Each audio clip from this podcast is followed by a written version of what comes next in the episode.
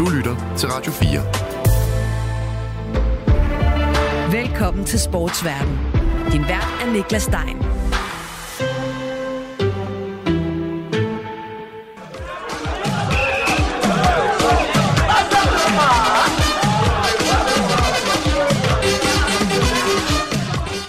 En af verdens største fodboldturneringer på et af verdens største kontinenter er i fuld gang lige nu.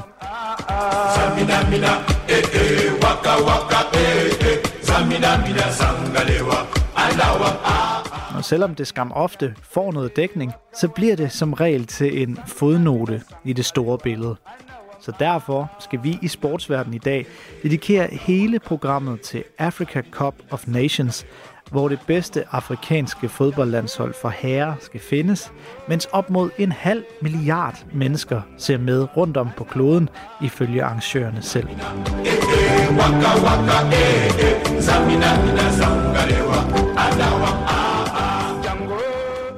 Vi skal forstå fodbolden på kontinentet lidt bedre, og det skal vi sammen med ham her. Oscar Rothstein, og jeg er uddannet idehistoriker og arbejder til daglig som Afrika-journalist på det undersøgende medie Danwatch. Og så har Oscar lige udgivet en bog om afrikansk fodbold. Det har jeg vel af to årsager, tænker jeg. Øh, en, en personlig og en professionel. Den personlige handler om, at det i år er, er 10 år siden, jeg rejste til Afrika første gang, og har rejst jævnligt på kontinentet lige siden, og øhm, fælles for, for alle mine rejser på kontinentet er, at fodbolden i en eller anden forstand har, har fyldt. Enten har jeg set en masse fodbold, eller så har jeg spillet fodbold, eller så har jeg snakket om fodbold med folk på kontinentet. Så på den måde er, at, at, at fodbold i Afrika noget, der har fyldt i mit eget liv i en del år efterhånden. Og den professionelle handler så egentlig ikke så meget om fodbolden, men mere om Afrika-delen, fordi jeg mener, at øh, hvis man vil forstå, eller pakke sig nogle begreber om at prøve at forstå Afrika, det her ekstremt komplicerede og for mange også abstrakte kontinent, så kan man med fordel begynde med fodbolden. Så på den måde er bogen egentlig også tænkt en smule pædagogisk, at hvis der skulle sidde nogen derude og have lyst til at vide noget mere om Afrika, men synes, at det kan være lidt uoverskueligt at vide, hvor man skal begynde, så øh, håber jeg, at jeg har kunne vise dem, at, at fodbolden øh, er en mulighed. Bogen, den hedder Det lysende hjerte passion og magt i afrikansk fodbold, og den kommer forbi både fodboldens oprindelse, da kolonialisterne tog sporten med til kontinentet i starten af 1900-tallet,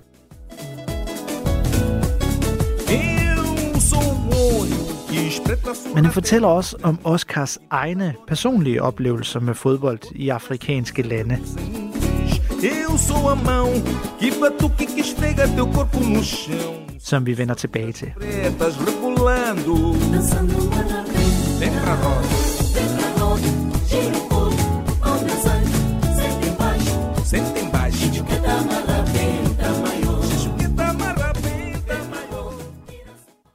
Jeg sidder med den øh, her i hånden, sidder med her, som man lige kan høre, så er den jo faktisk øh, rimelig hurtigt bladet igennem. Den er lige øh, to, 200 sider af den på. Kan man overhovedet fagne fodbolden på et helt kontinent, et stort kontinent på 200 sider? Nej, det kan man ikke. Og, øh, og det, øh, det prøver jeg sådan set heller ikke at gøre. Det har jeg også gjort et nummer ud af at gøre klar i foråret, at det er ikke nogen encyklopædi over afrikansk fodbold. Det er ikke bogen om afrikansk fodbold. Det er, det er mit bud på 10 nedslag, der på forskellige vis prøver at samlæse afrikansk fodbold med med afrikanske samfundsforhold af forskellige slags. Så nej, det er ikke, det er ikke den store forkromede fortælling om afrikansk fodbold fra ende til anden, men det er udvalgte eksempler på, hvordan afrikansk fodbold siger en masse om Afrika i det hele taget.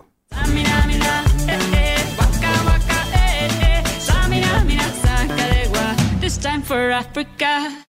Africa Cup of Nations, eller AFCON, som turneringen også kaldes, spilles hvert andet år. Og sådan har det været næsten uafbrudt siden den første udgave for 67 år siden, altså 1957, hvor det første afrikanske mesterskab blev spillet i Sudan, og hvor der stadig var tre år til, at Europa ville få en lignende turnering.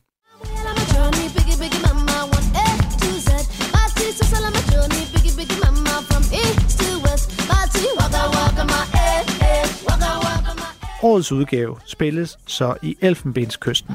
24 hold er med, og Marokkos semifinalister fra forrige års verdensmesterskab i Katar er favoritter til at vinde turneringen for første gang siden 1976.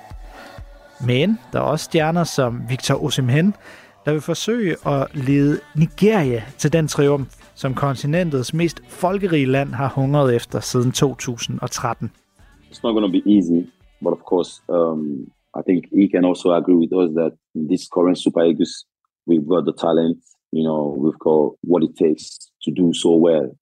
You know, putting the putting the, the jersey of the Super Eagles is a privilege. It's not it's not really our birthright. You know, it's a privilege. Og så er der jo Mohamed Salah og Afcons rekordvinder fra Ægypten, der har løftet trofæet syv gange. Men Liverpool-stjernen Salah, han har aldrig prøvet det, og derfor er manges øjne rettet mod ham. Men det er det af flere grunde. I said, if I wish you good luck, it would be a lie. Now what I do, obviously, but øh, uh, yeah, from a personal point of view, I would be overly happy if they go out after group stage, but it's probably not possible. so it's fine, and then they can go and win it as well. So you know, good luck, see you, and um, come back healthy. For Salahs chef i det daglige, den tyske Liverpool-træner Jürgen Klopp, har flere gange over flere år gjort sig bemærket ved at brokke sig over AFCON-turneringen, og at han skal mangle flere af sine største stjerner i Premier League. For fodbolden i Europa, den holder, modsat når der er EM, ikke pause, når der spilles AFCON. Eller for den sags skyld det asiatiske mesterskab, som også er i gang lige nu. In January is a, a, a little tournament in Africa, I just want to say, and I think Asia is playing games as well, if I'm on Hamilton right. I think it's an insult to the players, it's an insult to the fans, it's an insult to the people, and it's an insult to the continent. Stop. I think you the Stop. continent and. Stop. It's all good. It is. It was. Not, I didn't mean it like that. I didn't mean it like that. I don't know why you understand it like that. To be 100 That was honest. what you said. I listened to the to the press. That was what you said. Oh no, no. I know it. I know it. I know. Jeg godt, jeg godt tænke mig at starte med at spørge lidt ledende. Eksisterer der, som du ser det, mange fordomme om fodbolden på det afrikanske kontinent? Der eksisterer mange fordomme om Afrika, eller klichéer, stereotyper, kald det hvad, kald det, hvad vi vil, øh, om Afrika i det hele taget. Og derfor så, så, øh, så eksisterer de naturligvis også i den afrikanske fodbold, fordi øh, og det er udgangspunktet i bogen, at den afrikanske fodbold ligger meget anderledes end Afrika i det hele taget, eller hvad der gør sig gældende i fodbolden, er typisk også ting, der gør sig gældende uden for sportens arena. Øh, så ja, der er mange klichéer om afrikansk fodbold, både om det, der foregår inde på banen, og det, der foregår uden på banen. Og det har egentlig været meget af motivationen i, i arbejdet med bogen, at prøve at ikke nødvendigvis tilbagevise klichéerne eller stereotyperne, men prøve at, at, at dykke nysgerrigt ned i dem og vise, hvornår de har noget på sig, og hvornår de ikke har noget på sig, og give et bud på, hvor de kommer fra.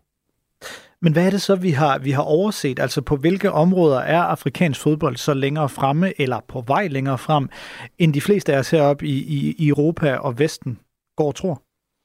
Det ved jeg heller ikke, om afrikansk fodbold er nødvendigvis. Det er ikke overbevist om, at afrikansk fodbold skulle være på et mere udviklet stadie, end hvad vi tænker i, i Europa. Men afrikansk fodbold er en hel masse ting, og også nogle andre ting, end, end, end de ting, vi tænker i, i vores del af verden. Det betyder ikke, at, at øh, alt, hvad vi tænker om afrikansk fodbold og Afrika i det hele taget, er forkert. Men, øhm, men der er jo selvfølgelig meget mere øhm, til, til den afrikanske fodbold og Afrika, end nogle af de sådan lidt mere enøjede fortællinger, vi, vi dyrker i, i hverdagen. Hvorfor er det så egentlig, at der er de her enten klichéer, fortællinger, eller at vi ser på det anderledes gennem andre øjne, eller et vestligt et synspunkt? Hvor er det, at, at, at det her opstår?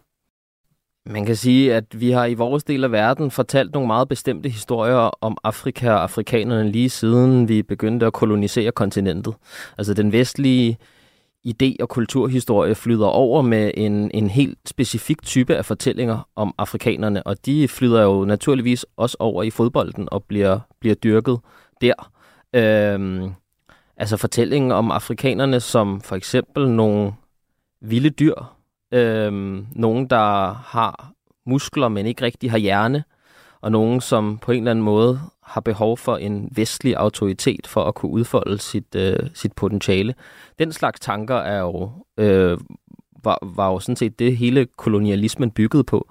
Og det er jo helt oplagt, at den slags tanker, som har været så dominerende en del af den vestlige idéverden, også kan spores i et vestligt syn på fodbolden øh, og på den afrikanske fodbold. Og det er blandt andet noget af det, som, som jeg prøver at øh, reflektere over i bogen. Øh, I hvilken grad det gør sig gældende, og hvilke konsekvenser det har. Hvilke udfordringer står afrikansk fodbold så fortsat overfor? Ekstremt store udfordringer. Og det gør de igen grundlæggende, fordi at afrikansk fodbold ikke er meget anderledes end Afrika i det hele taget. Så, så, så, så hvis man begynder fra begyndelsen, så kan man sige, at, at fodbolden i Afrika er administreret af nogle nationalforbund, der ligger under nogle sportsministerier, typisk der ligger under nogle øh, regeringer, som har nogle nationalbudgetter, som er øh, minimale. Altså det er øh, en sport, der er administreret af nogle politikere, som ikke har penge til at finansiere tilstrækkelige sundhedsvæsener eller uddannelser eller skabe job. Så hvordan i alverden skulle de finansiere en, en ordentlig fodboldinfrastruktur? Det kan de ikke.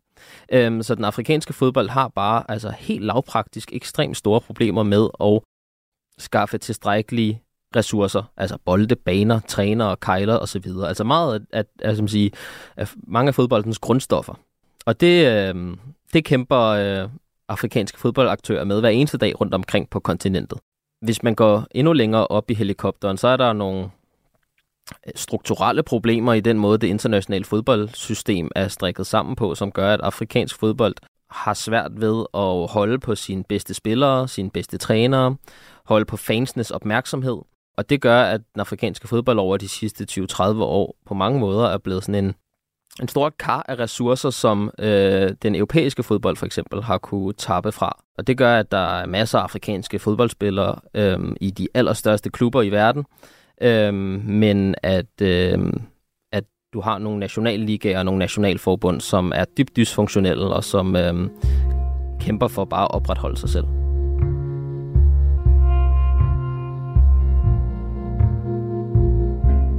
Her kommer vi så til den påvirkning, som afrikansk fodbold oplever fra den omkringliggende verden. Tilbage i 2019, der var det afrikanske fodboldforbund, CAF, der samlet repræsenteret i alt 56 afrikanske fodboldlande og forbund, der var de i en omfattende krise. CAF-præsidenten Ahmad Ahmad stod anklaget for alt fra underslæb til sexchikane, og han blev sågar tilbageholdt og forhørt af fransk politi om anklager om korruption noget han dog aldrig blev sigtet for. Now, the chief of the Confederation of African Football has been banned from the game for five years.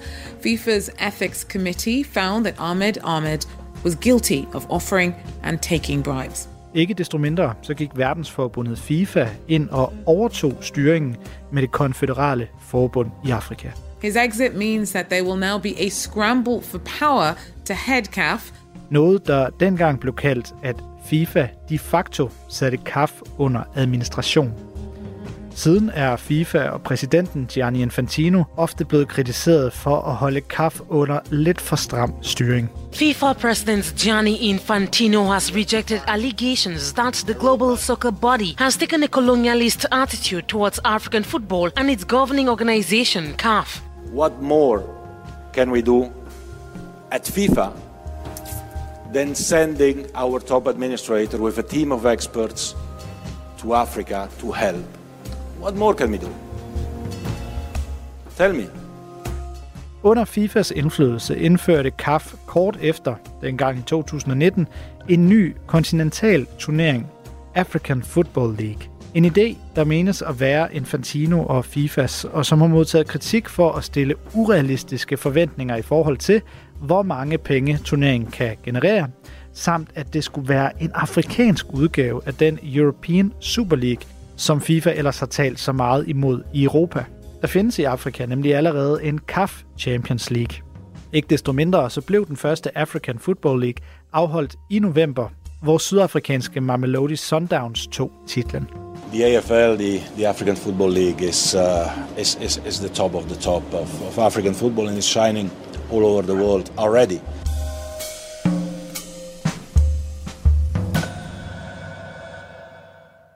Hvordan bliver afrikansk fodbold og selve det konføderale afrikanske fodboldforbund, CAF, brugt eller påvirket mm. af andre nationer fra andre kontinenter, eller for den sags skyld for andre forbund? Man kan sige, at det internationale fodboldforbund, FIFAs præsident Gianni Infantino, han har næppe brugt mere tid på nogen af fodboldens konfederationer end den afrikanske i den tid, han har været FIFA-præsident.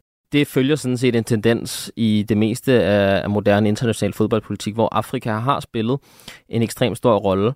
Og det handler øh, sådan set bare om, at øh, FIFA er grundlagt på et princip om, at et land har én stemme. Alle FIFAs medlemslande tæller, når der skal afstemmes, for eksempel stemme som en ny præsident lige meget. Og den afrikanske konfederation er nu engang den største med 54 medlemslande. Det vil sige, at det er meget svært at være FIFA-præsident, hvis man ikke er gode venner med det afrikanske fodboldforbund CAF og deres medlemsstater. Så på den ene side fylder afrikansk fodbold ekstremt meget i international fodboldpolitik. Det, som man kan spørge sig selv om, er hvorfor? Er det vidderligt bare fordi, at afrikansk, øh, de afrikanske nationalforbunds stemmer er vigtige for hvem end der sidder i FIFA-toppen, eller er det fordi, at der fra FIFAs side, Gianni Infantinos side, er et reelt ønske om at udvikle og nytænke afrikansk fodbold? Hvis du spørger øh, mange fodboldpolitikere på kontinentet, så vil de fleste sige, at at de har en fornemmelse af, at det mere handler om, at Afrika i fodboldpolitisk forstand er en god genvej til magten i FIFA, og ikke fordi, at øh, der er et dybfølt ønske om at forbedre vilkårene for for eksempel de afrikanske græsrødder eller for de, de, øh, de nationale forbund. Så det kunne lyde som en moderne form for sportskolonisering? Altså, anklager om neokolonialisering eller eller lignende er øh, tilbagevendende i den afrikanske fodbolddebat fra, øh, fra forskellige, ikke så ofte øh, fodboldpræsidenter, der, der, der sidder på magten, men så i hvert fald tidligere forbundspræsidenter, som, som måske føler, at de har lidt mindre at tabe, har, øh, har i flere tilfælde anklaget Infantino og FIFA for at ville kolonisere CAF, det afrikanske fodboldforbund. I've been hearing about uh, colonialization that FIFA is colonializing Africa again. This bad FIFA. When Fatma Samura was appointed Secretary General of FIFA, I didn't hear the opposite. I didn't hear that Africa is colonializing FIFA. Det er, øh, det er en følelse, som, øh, som er blevet mere øh, udtalt på kontinentet over de seneste 5-10 år. Altså opfattelsen af, at man fra FIFAs side øh, på en eller anden måde har instrumentaliseret afrikansk fodbold, øh, og bare bruger det som en, en rambuk, og ikke fordi, at øh, man har øh, nogle hvad skal man sige, reelle visioner på vegne af fodbolden på kontinentet. Men hvis man spørger dig som jagttager, som, som, som kender af fodbolden på kontinentet, altså er FIFAs, i det her tilfælde FIFAs øh, som eksempel, meget markante involvering i det afrikanske fodboldsystem, øh, organisering, altså er det en styrke, eller er det mest problematisk? Altså man siger, det er i hvert fald det er i hvert fald problematisk, øh, hvis, øh, hvis bylletingerne ellers taler sandt på at den måde, som FIFAs præsident Gianni Infantino har involveret sig i valgene, de seneste par valg af, af præsidenten for det afrikanske fodboldforbund. FIFAs regler siger det sådan set meget klart. De har forbudt sig selv at involvere sig i de øh, kontinentale konfederationers interne anlægner, øh, blandt andet når der skal vælges en, en ny præsident. Og det ser Infantino øh, efter alt det dømme ud til at have set stort på i Afrikas tilfælde. Øh, han har i, i tilfældene, både ved valget af Ahmed Ahmad og, og det nuværende præsident for det afrikanske fodboldforbund, Patrice Motsepe, engageret et, et, et meget omfattende Afrikadiplomati for at få en præsident, som på en eller anden måde øh, af hans allierede. Og det er jo bare et grundlæggende demokratisk problem. Altså, at, at øh, en, en, det, der skulle være en, en, en fri og selvstændig vandhandling, bliver udsat for, for ekstern indflydelse. Det er uden tvivl et, et stort problem. Den her overordnede tendens til at tænke afrikansk fodbold Afrika som, som, et, som et middel til at opnå et eller andet personligt, eller, eller opnå noget på vegne af, af andre dele af fodboldverdenen, er også problematisk. Men grunden til, at, at jeg og tror jeg også, mange i Afrika ikke er sådan fuldtonet i sin kritik af, af, af Infantino, er, at, at han også øh, har et blik for dele af fodboldverdenen, der i mange år har været marginaliseret, som, som har en eller anden form for potentiale. Igen vender man tilbage til spørgsmålet af, hvad er hans motiver? Er det fordi, han vil, han vil fremme sin egen magt, eller fordi, at han rent faktisk er ude på at på en eller anden måde skaffe, skaffe større indflydelse til de dele af fodboldverdenen, som i årtier er blevet, øh, blevet marginaliseret? Det, det, det er et godt spørgsmål, men alene det, at man har en FIFA-præsident, som forstår, at fodbolden ikke kun har hjemme på det europæiske kontinent, men tilhører hele verden, det, det, det mener jeg sådan set er værdifuldt. Today I feel uh, Qatari. Så, så hvis vi skal tage Infantinos øh, ord for gode varer og, og tro på øh, det idealistiske, de ting, han siger.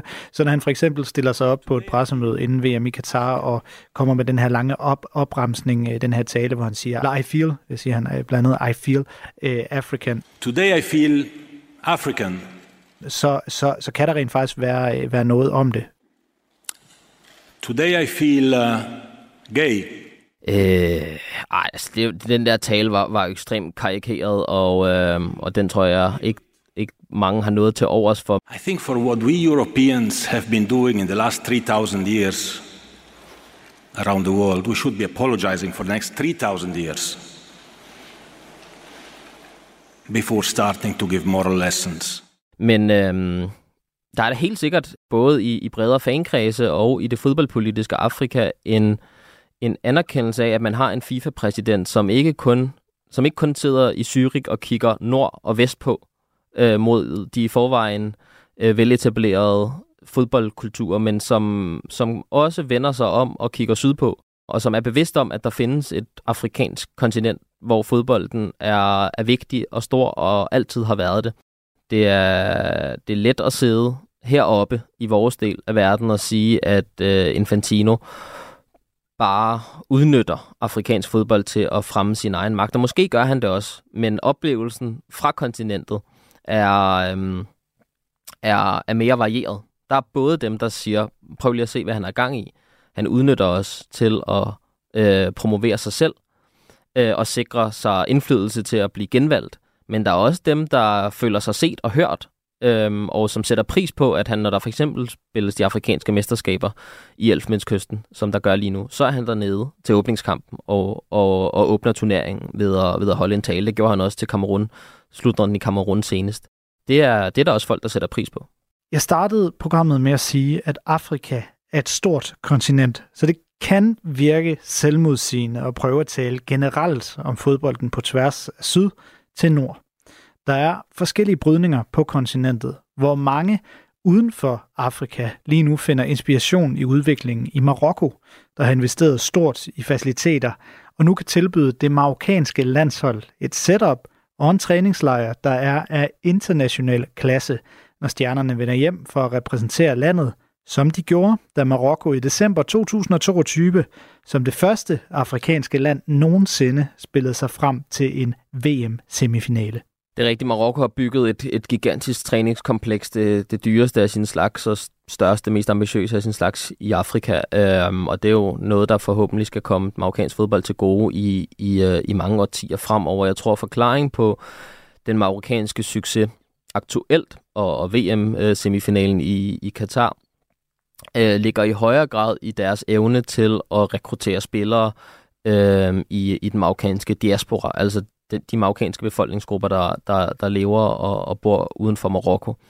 Øhm, og det er det marokkanerne slet ikke en, ene om, det er en, en af de mest dominerende tendenser i den afrikanske landsholdsfodbold, det er, at fodboldforbundene lidt, lidt ligesom var de klubber går, går på transfermarkedet og prøver at rekruttere spillere med en mor eller en far eller en bedstemor eller bedstefar fra, fra det pågældende land, som i så fald vil gøre dem spilberettiget, og sammensætter ligesom nogle, nogle landshold ud, ud, fra, øh, ud fra de principper.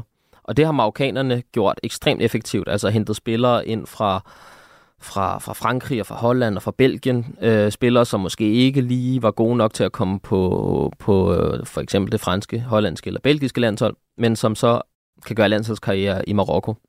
Jeg mener, det var halvdelen cirka af den marokkanske landsholdstrup til VM i Katar, som var født og opvokset uden for Marokko. Landstræneren Walid Regragui øh, det samme. Han er født og opvokset i Paris. Og den disciplin, altså at rekruttere spillere fra, fra diasporaen, har marokkanerne mestret bedre end, bedre end øh, de fleste.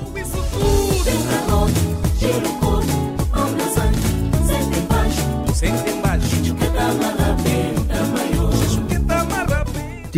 eget personlige forhold til, til særligt et land i, i Afrika, du, som du også selv skriver i, i bogen, så har du personligt rejst en del i Mozambique, Eusebius øh, hjemland, mm. den øh, verdenskendte, øh, senere øh, portugisiske øh, landsholdsstjerne født og opvokset i Maputo i, i, i Mozambique. Eusebius from my team is he has a statue on the on the surroundings of my stadium. Jeg kunne godt tænke mig at høre, hvad du gerne vil fremhæve om Mozambiques forhold til fodbold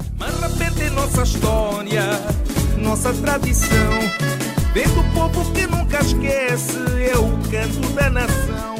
Det, jeg bruger Mozambique til i, i bogen, det er at vise, hvordan fodbold ikke nødvendigvis er et sprog, alle taler. Det er jo noget, vi ofte siger. Altså, fodbold er et globalt fællessprog, og det har jeg virkelig også selv erfaret, at det kan det godt være, når man rejser rundt på kontinentet og øh, har svært ved at snakke for eksempel portugisisk i, i Maputo, så kan man altid sige Benfica, og så, så er der en samtale i gang, eller lignende. Øh, men historisk set, så har fodbolden i Mozambique været en, en identitetsmarkør. Øhm, og øh, måden at spille fodbold på var simpelthen øhm, en af, en af en, en måde for mozambikanerne under øh, den portugisiske kolon, kolonisering at, at vise sin, øh, sin selvstændighed. Øh, Mozambique var øh, under kolonitiden inddelt efter apartheid-lignende forhold. Der var en blikby og en cementby. Øh, I cementbyen boede portugiserne, og i blikbyen boede mozambikanerne, groft sagt. Og øh, der blev spillet fodbold i begge dele af byen, men på hver deres måde. Portugiserne spillede sådan en ekstremt stringent, taktisk, disciplineret form for fodbold. Og mozambikanerne spillede en helt anden slags vild, fantasifuld, øh, intuitiv form for fodbold. Der var samtidig øh, journalister, forfattere, tænkere i, i det koloniserede Mozambique, som argumenterede for, at den her ret ukonventionelle måde at spille fodbold på i Blikbyen ikke var, som portugiserne ellers tænke, tænkte, et udtryk for mozambikanernes, øh, hvad skal man sige, tilbageståenhed og primitivitet, men tværtimod var en metafor for den mosambikanske selvstændighed, en måde at vise øh, portugiserne på, at vi har da vores egen måde at spille fodbold på. Det kan godt være, at I er optaget af øh, at spille sporten på den her måde, men vi gør det på vores egen måde. Og på den måde blev fodboldkampene i, i, øh, i Blikbyen øh, sådan et, et slags vindue ind til en verden, hvor mosambikanerne gjorde, hvad der passede dem, og ikke som øh, portugiserne dikterede. Og fodbolden blev på den måde meget vigtig for etableringen af den nationalfølelse øh, og selvforståelse, som, øh, som på en eller anden måde var forudsætningen for, at Mozambique overhovedet kunne øh, gøre modstand mod portugiserne og til sidst også vinde selvstændighed fra dem. Og det er øh, noget af det, som du også gerne vil fortælle med den her bog, som jeg øh, forstår det. Altså både fodbolden som sprog, fodbolden som en måde at se et samfund gennem. Ja, fuldstændig. Den, den, det er en bog om afrikansk fodbold, men kun for så vidt, at fodbolden også i Afrika altid er mere end fodbold. Zamina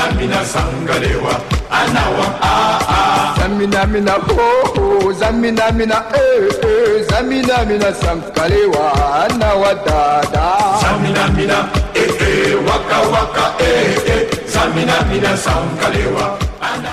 Africa Cup of Nations er i fuld gang i Elfenbenskysten i det vestlige Afrika.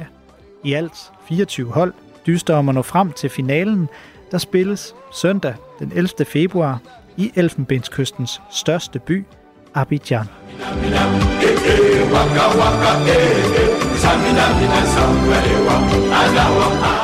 Du har lyttet til Sportsverden på Radio 4. Programmet er lavet og tilrettelagt af mig, Niklas Dein. Hvis du vil kontakt med mig, så kan du finde mig på diverse sociale medier, eller du kan skrive mig en mail på nick 4dk nick 4dk Dagens gæst var Oscar Rothstein, redaktør er Rasmus Dalgaard. Der er i afsnittet blevet brugt lydklip fra Sky Sports, The Guardian, CBS Sports, Euronews, Africa News, Eyewitness News, fra YouTube-kanalen HR Visak og fra The Obi-Wan podcast. Sportsverden sender alle mandage og onsdag kl. 13.30 på Radio 4. Hvis du vil lytte til de kommende afsnit eller tidligere afsnit af programmet, så kan du også finde Sportsverden som podcast på diverse podcasttjenester eller i Radio 4's app.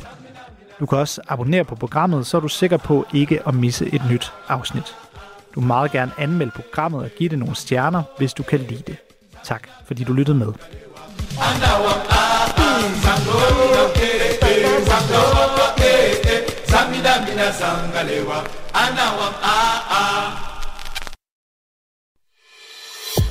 Du har lyttet til en podcast fra Radio 4. Find flere episoder i vores app, eller der, hvor du lytter til podcast. Radio 4. Ikke så forudsigeligt.